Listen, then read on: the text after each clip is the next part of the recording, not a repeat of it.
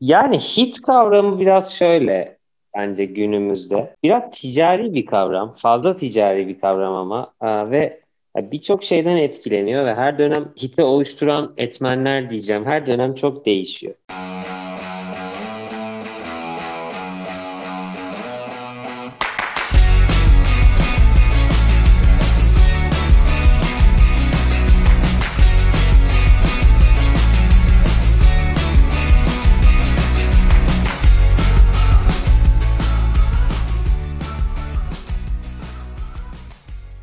Merhabalar, Davetli Lisesi'nin 5. bölümüne hoş geldiniz. Bugün harika bir konuğum var. Huzurlarınızda Batı Akdeniz. Batıcığım merhaba. Ah, ah çok teşekkür ederim Simgeciğim. çok sağ ol. Ne kadar güzel anons ettin beni. Merhaba, nasılsın Simge? İyiyim, sen nasılsın? Nasıl gidiyor? İyiyim, ne yapayım? Şu an bunu ne zaman e, dinleyiciler dinleyecek bilmiyorum ama şu an tam kapanmanın 3. günündeyiz ve şimdiden çok zorlu bir süreç olduğunu söyleyebilirim. Ben de mutfak becerilerimi geliştirmeye çalışıyorum. Fırında patates yaptım. Biraz yakmışım. Ama olsun. Oo. Her şey güzel. güzel Sen güzel. nasılsın? Ben de iyiyim. Ben de zaten Londra'dayım. Dinleyiciler de biliyordur. Biz burada biraz daha açılma ve hatta Türkiye'ye PCR testi olmadan uçmanın keyfini yaşıyor durumdayız. Tabii ki Vallahi bu müzik evet sektörü. Devre anlaşması gibi. Yani e, değişik, değişik tabii bu benim maalesef Türkiye'ye dönmem anlamına gelmiyor. Veya müzik sektörünün döndüğü anlamına da gelmiyor. Ama tam bugün biliyor musun bilmiyorum haberlerde yeni çıktı ben de yeni gördüm. Liverpool'da bir e, festival alanında kapalı bir çadırda 5000 kişiyle konser düzenliyorlar. Ve galiba 3-4 grup çıkıyormuş. Bunlardan biri de Blossoms. Evet işte bu Covid ne kadar etkilenecek hani ne kadar bulaşacak tamamen maskesiz, sosyal mesafesiz bir konser deniyorlar. Çünkü festival sezonu aslında başladı ama kesinlikle konserler şu an nasıl Türkiye'de de yoksa burada da yok. O yüzden bakalım yazın müzik sektörünü canlandırabilir miyiz diye test ediyorlar. Sonuçta hep birlikte göreceğiz. E, tabii yani bu müzik sektörünün durması veya yavaşlaması canlı müzik sektörünü etkilemiş durumda. Ama müzik üretimi ve şarkı yazımı, beste yapımı açısından harıl harıl çalışan bir sektörden bahsediyoruz. Ve aslında bugün seninle de bu konu üzerine konuşacağız. Ben şarkı yazarı olmadığım için bugüne kadar birçok parçaya imzasını atmış, en az iki albümlük diskografisi olan Batı Akdeniz'e bu konuda detaylıca sorular sormak istedim. Hazırsan sana çok güzel sorular hazırladım. sana çok güzel sorular hazırladım. Tamamen işte dedikoduya, magazine girmeden işi konuşacağımız, üretimi konuşacağımız bir bölüm olacak. En sevdiğim simge tabii ki. Hazırım. Evet. Süpersin. Peki o zaman başlıyoruz. İlk sorumuz şu an Spotify ve Apple Müziği açtığımızda veya Google'da senin ismini yazdığımızda senin şarkılarına ulaşabiliyoruz. Tabii ki eminim ki ulaşamadığımız bir katalogda evde duruyordur. ben sadece 5 şarkı hazırladım. Onları koydum köşeye bekliyor gibi değil. Sürekli harıl harıl yazarlığın üstünde çalışıyorsun diye biliyorum. Evet yani bu dönemde hem şarkı yazarlığımı geliştirmeye çalıştım. Hem aranjörlüğümü, prodüktörlüğümü geliştirmeye çalıştım. Hem de gitaristliğimi de geliştirmeye çalıştım. Aslında birçok şeye odaklanabilmek için ister istemez bir fırsata dönüştüğü anlarda oldu. Tabii ki bundan hani şey çıkaracak da değilim. İyi oldu ya Covid falan diyecek de değilim ama e, uzun lafın kısası yani yaklaşık bir işte geçen yazdı 2020'nin yazı bir 20 parça kadar elimde vardı. Şu an oldu 30-35. Hala da yazıyorum farklı bir şeyler deniyorum. Eylül ayında 10 ya da 11 parçalık ilk long play'im çıkacak yani hani gerçek bir albüm EP olmayan. Aa, debut albüm geliyor. albümün de şarkıları evet evet e, ondan sonraki albümün parçaları da hazır neredeyse. Yani biraz delilik ama e, şikayetçi de değilim çünkü aralarında en fazla bir sene olur zaten ikisinin. Harika. Ben de durumlar böyle yani yazıyorum birazcık da açıkçası zihinsel olarak kendimi stabil tutabilmek için de eski yaptığım şeyleri yapmaya devam etmeye çalışıyorum. Şarkı yazmak da bunların başlıcaları zaten benim işim bu. O yüzden bunu yapmalıyım. Tabii ki. Peki bunları yaparken, şarkılarını yazarken veya bestelerken izlediğin belli bir kalıp var mı? Mesela bu hani edebiyat dersinde görürsünüz bir şiir yazarken işte divan Hı-hı. edebiyatında belli kalıplar, düzenler vardır. Türk Edebiyatı'nda bu değişik, onları uygulamazsan şiir düzenine uymuyor gibi. Senin de ben işte bir formülüm Hı-hı. var, tamamen bunu izliyorum gibi bir yaklaşımın var mı? Ya aslında benim çok değişiyor. Bazen bir cümleden yola çıkarak ona bir melodi eklemeye çalışıyorum. Bazen aklıma bir melodi geliyor, ona bir cümle oturtuyorum ve bütün şarkıyı onun üstüne kuruyorum. Son zamanlarda, e, son bir ay, iki aydır yeni bir şey deniyorum. Daha çok bilgisayarda kayıt yaptığım programda bulunan hazır davullar var, hazır davul ritimleri var. Onları açıp düz davulun üstüne bir gitar ve melodi yazarak birazcık daha böyle dinamik ve daha farklı bir yoldan gitmeye başladım. E, daha ritimsel parçaları birazcık öyle yapıyorum bu ara. Farklı böylece kartımlı parçalar buluyorum açıkçası. Normalde aklıma gelmeyecek şeyler. Bir davul duyup onun üzerine bir şey yazmaya çalışınca e, değişiyor. Birazcık da böyle deniyorum bu ara. Ama hepsini deniyorum yani hepsini yapmışımdır. Harika harika. Peki o zaman benim bir sonraki sorumda zaten cevaplamış oldun. Bunun bir sırası yok ve aslında ne kadar kalıpları izlemediğin halinin de üstüne kendini geliştirmek için farklı yollar arıyorsun. Bence bu harika bir şey. Zaten üretimi çeşitlendirmenin ve geliştirmenin de gerçekten en başta gelen yolu zaten. Çok teşekkür ederim böyle düşünmene çok sevindim. Aa ne demek. Gerçekten ben bu podcastlerde ne düşünüyorsam onu söylüyorum. Yağlama, yıkama veya kayırma kesinlikle yok. Peki kendini geliştirmekten bahsederken bu benim İngiltere'de gördüğüm bir şey. Türkiye'de ne kadar oluyor bilmiyorum. Şarkı yazarları birkaç gün bir araya gelip kendilerini bir odaya kapattıkları yazarlık kamplarına katılıyorlar. Buna writing session da diyorlar. Mesela böyle bir şey hiç Türkiye'de Aha. duyduğun veya katıldığın oldu mu? Ya yani bildiğin hiç tanımadığın insanlarla bir araya evet, gelip. duydum. Aa, biraz bahsedebilir misin? Harun Tekin yapmıştı yanlış hatırlamıyorsam. Öyle bir şey hatırlıyorum birkaç sene önce. E, öyle şeyler yapmayı seviyor zaten o. Ama hiç katılmadım. Yani hiç katılmadım. Enteresan bir deneyim olabilir açıkçası bir gün. Öyle bir şeyle tekrar karşılaşırsam aslında düşünebilirim. Birazcık da çok da formülize etmemek istiyorum hani bu süreci. Mesela yeni başlayan bir müzisyen için de aslında evet bazı basic, bazı temel şeyleri öğrenmek tabii ki çok doğru, güzel, hoş bir şey.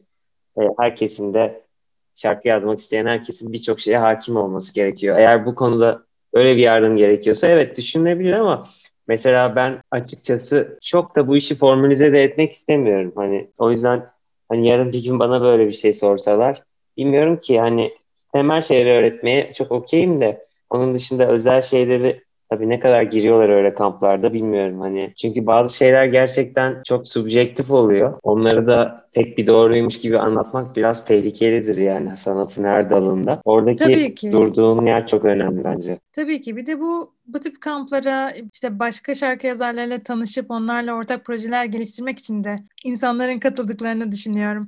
Senin şarkılara baktığımızda da çoğunu kendin yazdığını görüyorum. Bizim bildiğimiz veya bilmediğimiz başka insanların projelerinde şarkı yazarı olarak katkıda bulunduğun parçalar var mı? Veya bekleyebilir miyiz böyle bir şey senden? Yani aslında bekleyebilir. Sadece tabii kendimin e, başka insanların şarkılarına katkı verdiğim zamanlar sadece kendi içinde olduğum şarkılar için geçerli oluyor. Ee, mesela geçen yaz Ne Jupiter diye bir grup var. Çok sevdiğim indie bir grup. Onların şarkısına solo çalmıştım. Bu sene yine aynı şekilde iki tane güzel düet var. bir tanesi Emila ile olacak. Bir tanesi Can Ozan'la olacak. Wow, Aa, harika düetler. Ve sen bunları... Evet evet e, aynen bayağı heyecanlıyız hepimiz. Sadece sesini duymuyoruz. Senin beste ve şarkı yazarlığını da bu parçalarda dinleme şansımız olacak değil mi? Evet evet yani Can Ozan'la yaptığımız parça zaten altyapı onun. Çok güzel bir altyapı hazırlamış. Ben üzerine sözleri yazdım. %70-80 bana ait, %20'si ona ait diyebilirim. Yani öyle bir bölüşme var gibi. Onun dışında da gitarlarını ben çaldım. Çok güzel bir iş oldu bence. Ben de mesela onunla beraber söz yazmak çok keyifliydi. Hani benim ilk yazdığım bir kalıp vardı, onu değiştirdik. Can çok güzel şeyler ekledi. En son halini aldı ondan sonra parça. Emula ile olan benim söz ve müziğe tamamen üretiminde benim hakim olduğum bir şarkı. Pamela onda bana vokal yardımına gelecek. Bakalım şeyi bekliyoruz. İşte bu tam kapanmaların falan artık bir bitmesini, azalmasını bekliyoruz. Bu yaz bayağı hareketli geçecek zaten yani. inşallah başka saçma sapan bir sıkıntı olmazsa herhangi bir sağlık sıkıntısı bilmem ne falan filan. Ya, ben bu yazdan ümitliyim. En azından çalışabileceğim yani. Geçen yaz gerçekten çok zordu. o konuda. Tabii kesinlikle. Yani o herkes bir açıdan vurdu. Hiçbir şey olmasa üretim bile aslında yani ne kadar hala devam etse de gerilemiş durumda. Çünkü insanlar çok sıkışmış, çok bunalmış. Yani tabii ki bu e, çok fazla yaratıcı yani yaratıcılığa katkıda bulunan şeyler değil. O yüzden aslında ne kadar zor olduğunu düşünemiyorum bile. Pamela ile olan düetine gelirsen aslında bence çok ilginç. Çünkü sonuçta sen kendi çaldığın ve söylediğin parçaları yazmaya alışıksın. Ama bu noktada artık özellikle bir kadın, güçlü bir kadın vokalin yer alacağı bir parça yazıyorsun. Mesela bunu yazarken de sonuçta bunu göz önüne alıyorsundur. Kendi vokalinden çok daha farklı bir vokale göre nasıl kelimeler kullanabilirim, nasıl bir beste olabilir? Bunlar bu konuda Tabii tabii. Evet.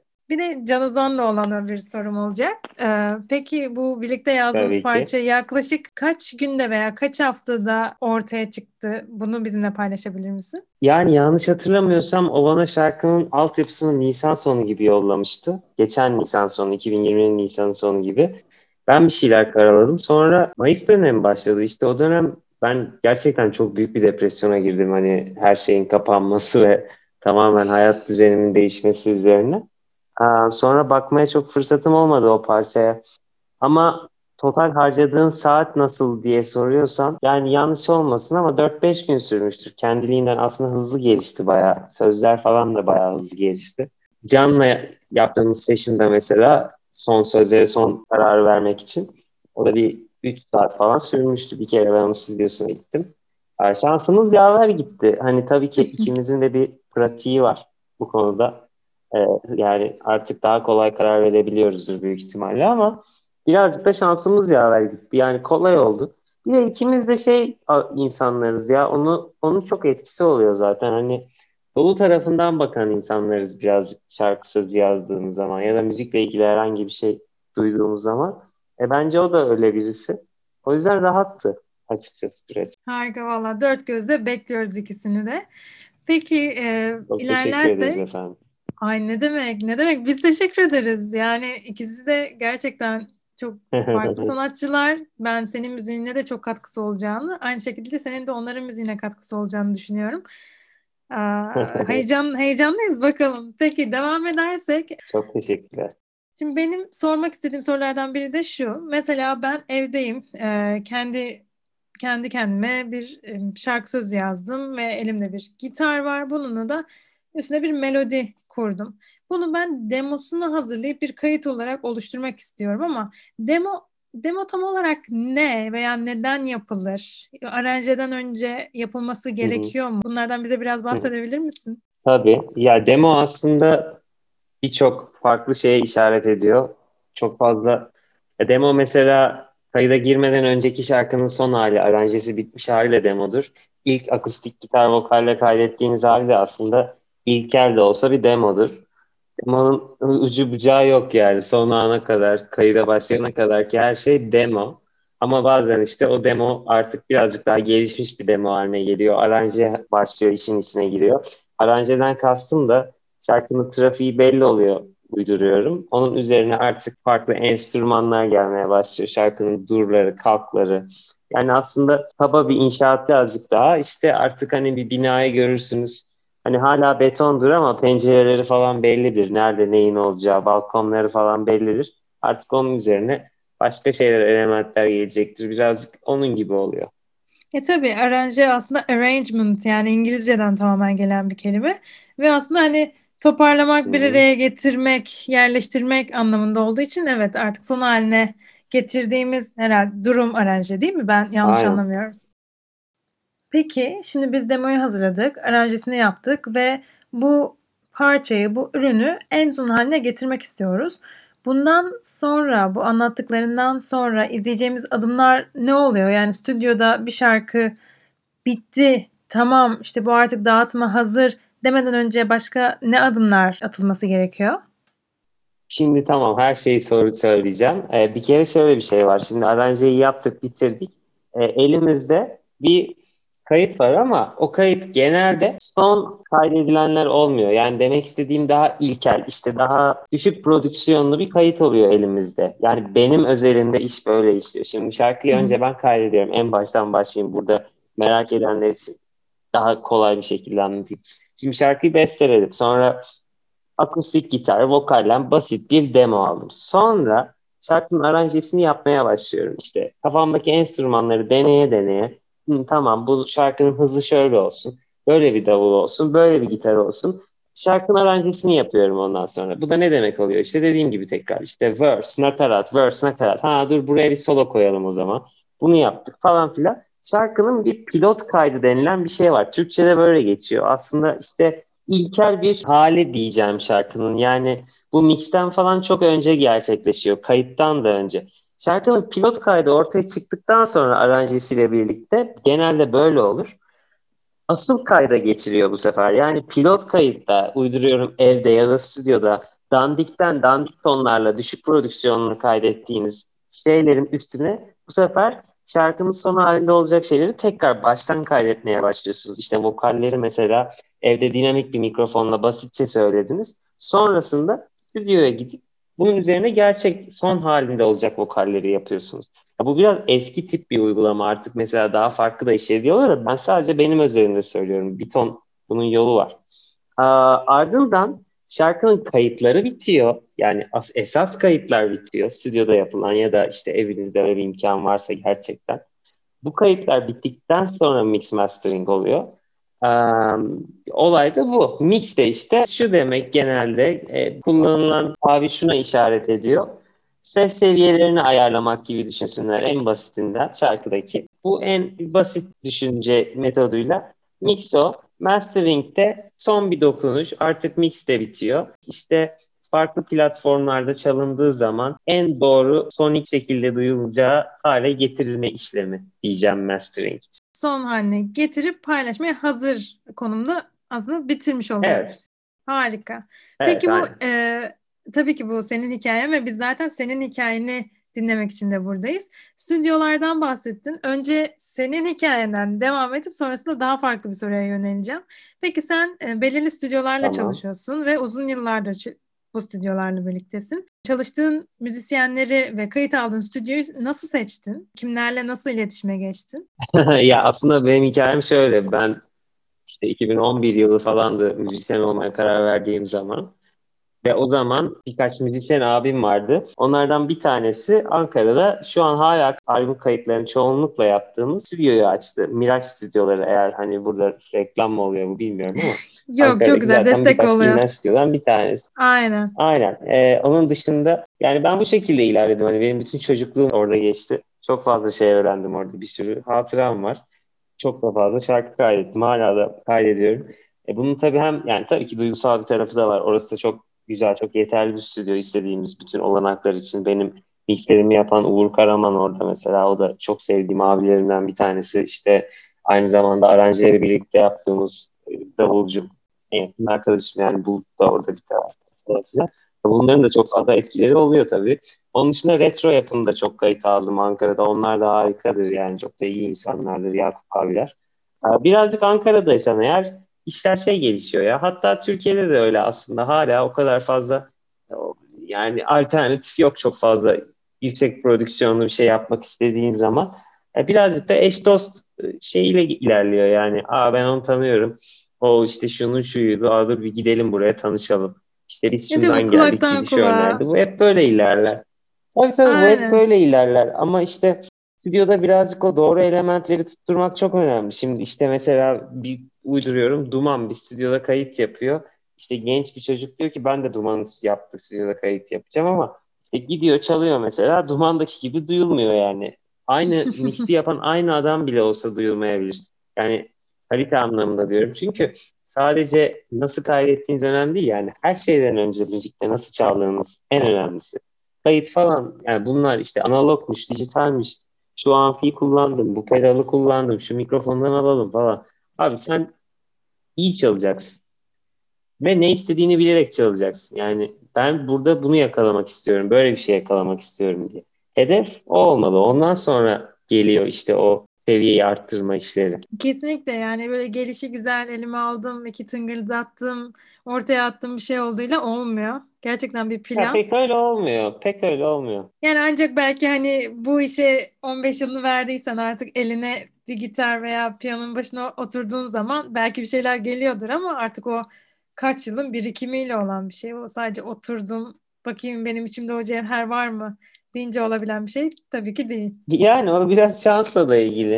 Affettiğin şey biraz da şansla da ilgili. Bazen hani tamamen tesadüfen çok iyi bir şarkı da yazabilirsin eline gitar aldığında da. İşte ne bileyim birazcık tabii kompleks tarafları da var. Özellikle grup müziği yapıyorsan çok enstrümanlı bir şey. Gerçekten tabii dikkatli olmak gerekiyor. Çorbaya da dönüşebiliyor. Şişelebiliyor şarkı gereksiz yere işte ya da mixte. E, yani mix özellikle gerçekten çok basit düşünülmesi gereken bir durum. Onda da yıllar geçtikçe benim öğrendiğim şey onda da nasıl kaydettiğinin en önemli şey olduğu. Yoksa ham hali istenen gibi olmadığı zaman işte abi buna şunu ekleyelim, buna reverb verelim, buna işte şu plugin'i atalım falan. Yani kurtarılmaya çalışılıyor ama işte orada da olay aslında hep esas çalımlardaki tonların ne kadar son haline yakın olduğuyla ilişkili oluyor. Çoğunlukla yani %90 oranında böyle oluyor abi. A'yı B yapmak gerçekten zor bir şey. Peki ben sana şunu da sormak istiyorum. Özellikle günümüzdeki teknolojiyle ve işte internet çağının getirdiği imkanlarla da çoğu insan artık evde kayıt yapmaya yönelmiş durumda. Çünkü yani daha ucuz hmm. diyemem çünkü bu tabii ki aldığınız ekipmanlara göre değişen bir durum ve tabii ki her şey her geçen gün daha da pahalılaşıyor. O yüzden bu tabii ki ihtimal evet. olarak daha da düşüyor. Ama mesela sen imkanın olsa yani evde diyelim ki bütün ekipmanların var. Yine de stüdyoya gitmeyi tercih eder miydin? Çünkü stüdyonun da çok farklı bir havası var. Şöyle bir ayağını atıyorsun. Evet. Değişik bir ışığı var. İşte mix deski var. Zaten deske bakınca böyle vay oluyorsun. Özellikle hiç bu işi oturup yapmayan bir insan için çok etkileyici oluyor. Evet, evet, evet. Ve mesela şu e, bilmiyorum izledin mi? Dinleyiciler de izlediyse bilecektir. İzlemediyseniz kesinlikle izlemenizi tavsiye edeceğim bir belgesel. 2013 yapımı Sound City diye bir belgesel var. Bu Foo Fighters'ın frontman'i Dave Grohl aslında mesela anlatıyor çoğunu.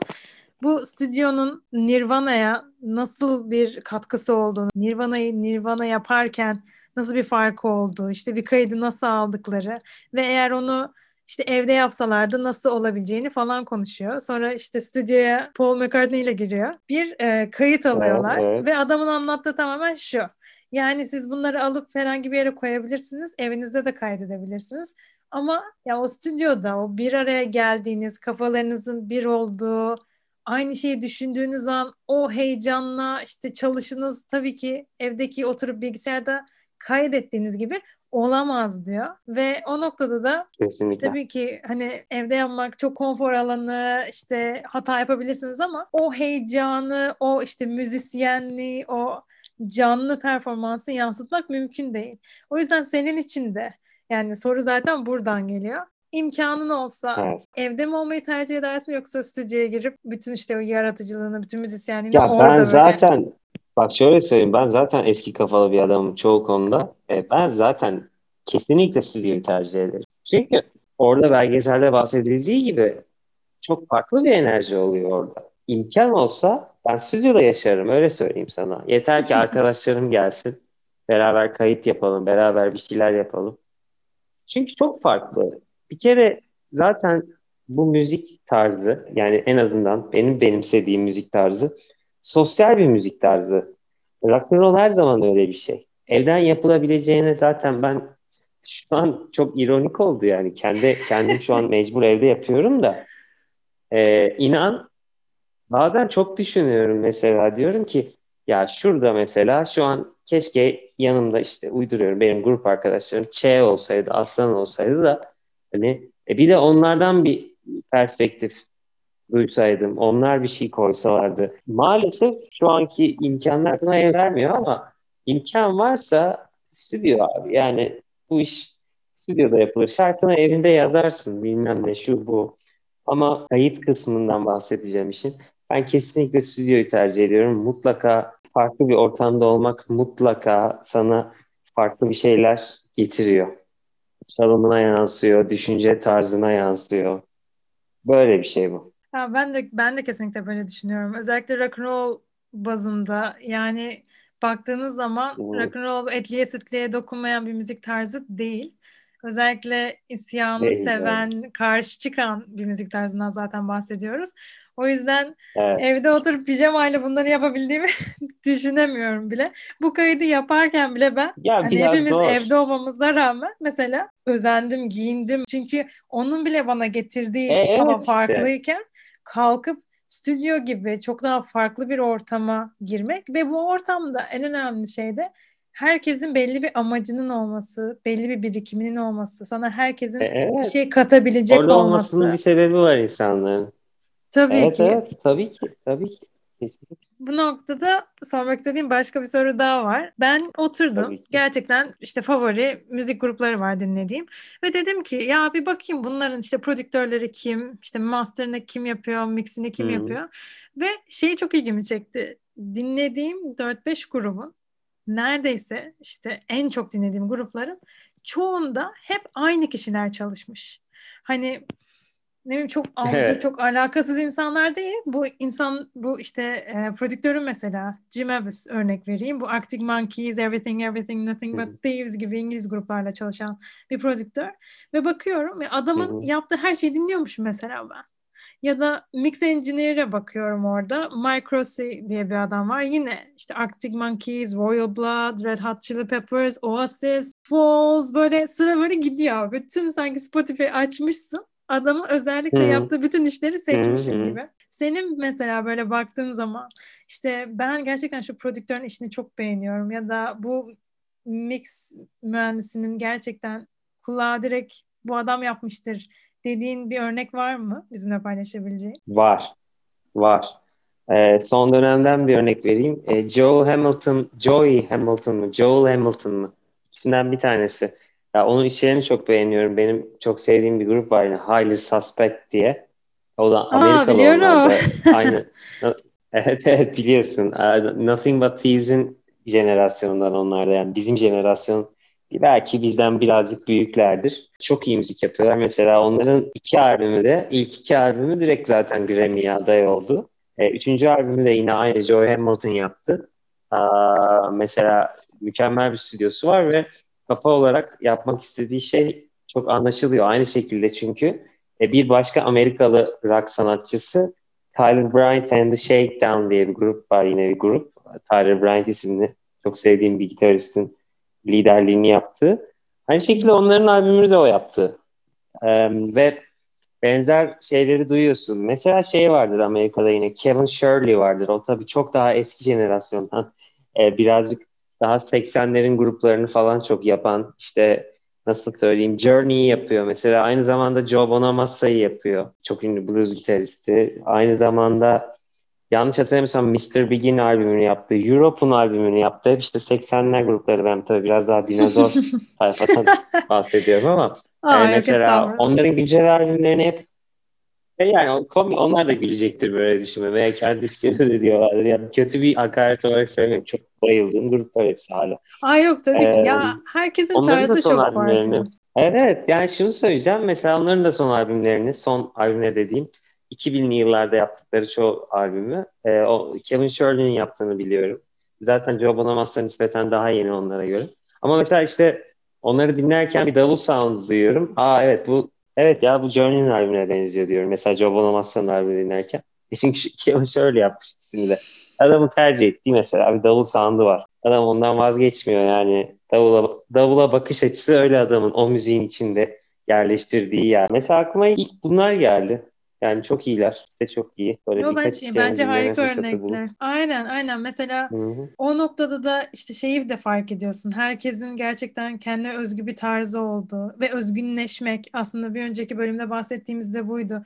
Kendinize özgün orijinal üretim yapmak ne kadar önemli. Çünkü o kişi e, mühendisin veya prodüktörün kattığını siz duyabiliyor oluyorsunuz. Çünkü herkesin oturmuş bir tarzı olmuş oluyor ve bence bu çok önemli. Bir şarkıyı dinlerken ya evet bu tabii. bu kişinin demek bence o kişinin çok büyük bir başarısı. Tabii tabii ki. İmza sonuçta bu. Kesinlikle. Peki son soruma geliyorum. Artık Batı Akdeniz'le yaklaşık herhalde bir yarım saattir konuşuyoruz ve çok değerli bilgiler aldık.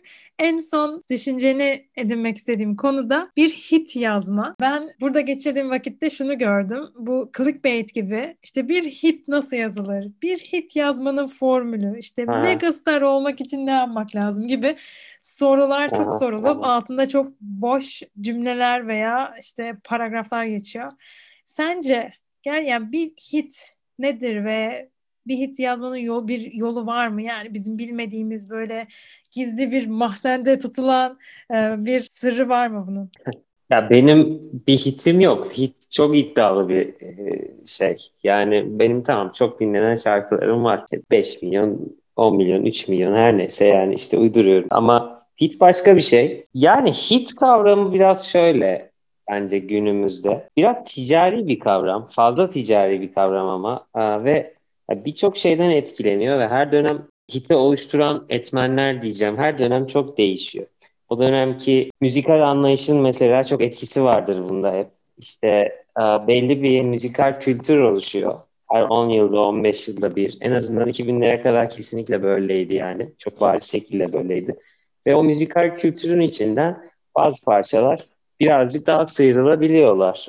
Yani şunu düşünün, 70'lerde bir sürü rock grubu olmasaydı, klasik rock grubu, Stairway to Heaven ünlü olmazdı o kadar. Çünkü zaten radyodaki her şey sürekli rock ve onların arasında muhteşem bir şarkı sıyrılıyor. Ama sonuçta sıyrılmasının sebebi şu. Dinleyen insan sayısı çok fazla. Zaten o tarz çok hakim bir durumda. E, hit biraz böyle şey, böyle bir şey. O dönemki müzikal anlayışla çok ilişkili oluyor. Ha zamansız hitler de yok mu? Var. Ama şunu söylemek zor. ACDC'nin Highway to Hell şu an çıksa bu kadar ünlü olabilir mi? Bilmiyoruz. Mesela ben hep söylüyorum.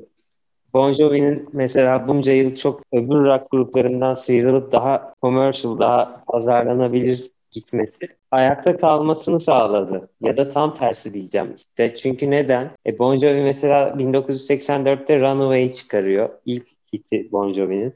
80'li yıllarda zaten bir sürü hit var.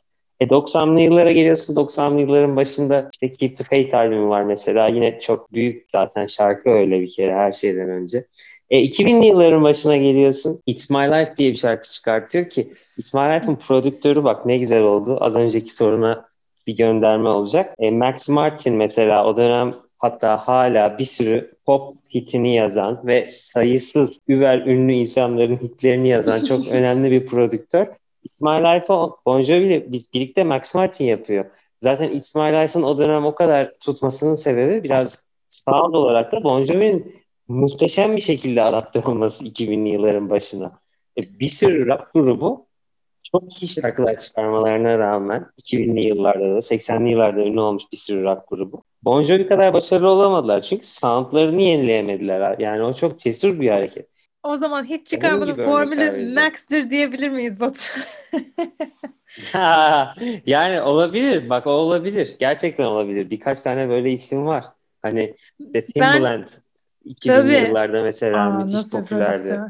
Ya ben gerçekten dediğine çok katılıyorum Muhteşem ve prodüktör. kesinlikle dediğin her şeyin altına da imzamı atıyorum. Yani bir hit çıkarmak gerçekten doğru yerde, doğru zamanda, doğru ürünle bulunmak oluyor çok bence. Ilişkili. Yani çok ilişkili. bu yapılan diğer şarkıların, parçaların veya işte albümlerin iyi olmadığı veya yeterli olmadığı anlamına da gelmiyor. Ama bu adapte olmak gerçekten yok, çok özellikle önemli. Özellikle son dönemde iyice yok. Kesinlikle evet, yok evet, aynen, ve aynen. ya özellikle günümüzde artık eskiye göre bu senin bahsettiğin 70'ler 80'ler 90'lara göre bizim müzik tüketimimiz de çok değişmiş durumda. Niçin tükettiğimiz, ne yaparken e, tükettiğimize kadar birçok şekilde artık değişmiş durumda. Hiç zor bir şey. Yani oturup gerçekten yazılan bir şey, yazılabilen bir şey değil ama adapte olmak dedin. Ben buna çok katılıyorum. Yani zaten hele ki bu sürekli değişen ana akıma hakim olan müzik türü yani ve onu sürekli geliştiren insanlar varken eğer adapte olmuyorsan yani bırak hit çıkarmayı gerçekten hani hiçbir yere gidemiyorsun. Bir gıdım ilerleyemiyorsun. O yüzden evet işte kimle çalıştığın, bahsettiğin insanlar gibi veya neye ulaşmaya çalıştığın bu noktada gerçekten çok önemli oluyor. Ben çok teşekkür Tabii ederim ki. bize katıldığın için. Çok harika bir bölüm oldu. Ben böyle ya ben düşünüyorum. teşekkür ederim. Çok çok keyifliydi. Umarım çok dinleyicilerimiz yani. çok de teşekkür çok ederim. Ay çok teşekkür ederiz. Ayrıca Batu Akdeniz'in davetli listesinin birinci konu olduğunu da baş tacı olduğunu söylemek istiyorum. Sağ olsun kendisi bizi kırmadı. Oh. çok demek, güzel, çok demek, güzel de bilgiler verdi. Çok teşekkür ediyorum. Böylece 5. bölümün sonuna gelmiş oluyoruz.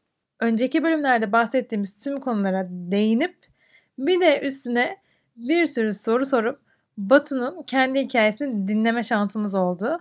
Eğer hala Batu Akdeniz'i dinlemediyseniz kesinlikle bu podcast'tan sonra yapmanızı önereceğim ilk şey Batu'nun sayfasına girip parçalarını dinlemek olacaktır. Böylece davetli listesinde ilk konuğunu ağırlamış olduk. Bundan sonraki bölümlerde kendim anlatmaya devam ettiğim gibi çok daha farklı alanlardan konuklarımız da bize katılacak. İlerleyen bölümleri kaçırmamak ve yeni bölümler çıktığında haberdar olmak için davetli listesini dijital platformlardan takip edebilirsiniz. Şimdilik hoşçakalın. Görüşürüz.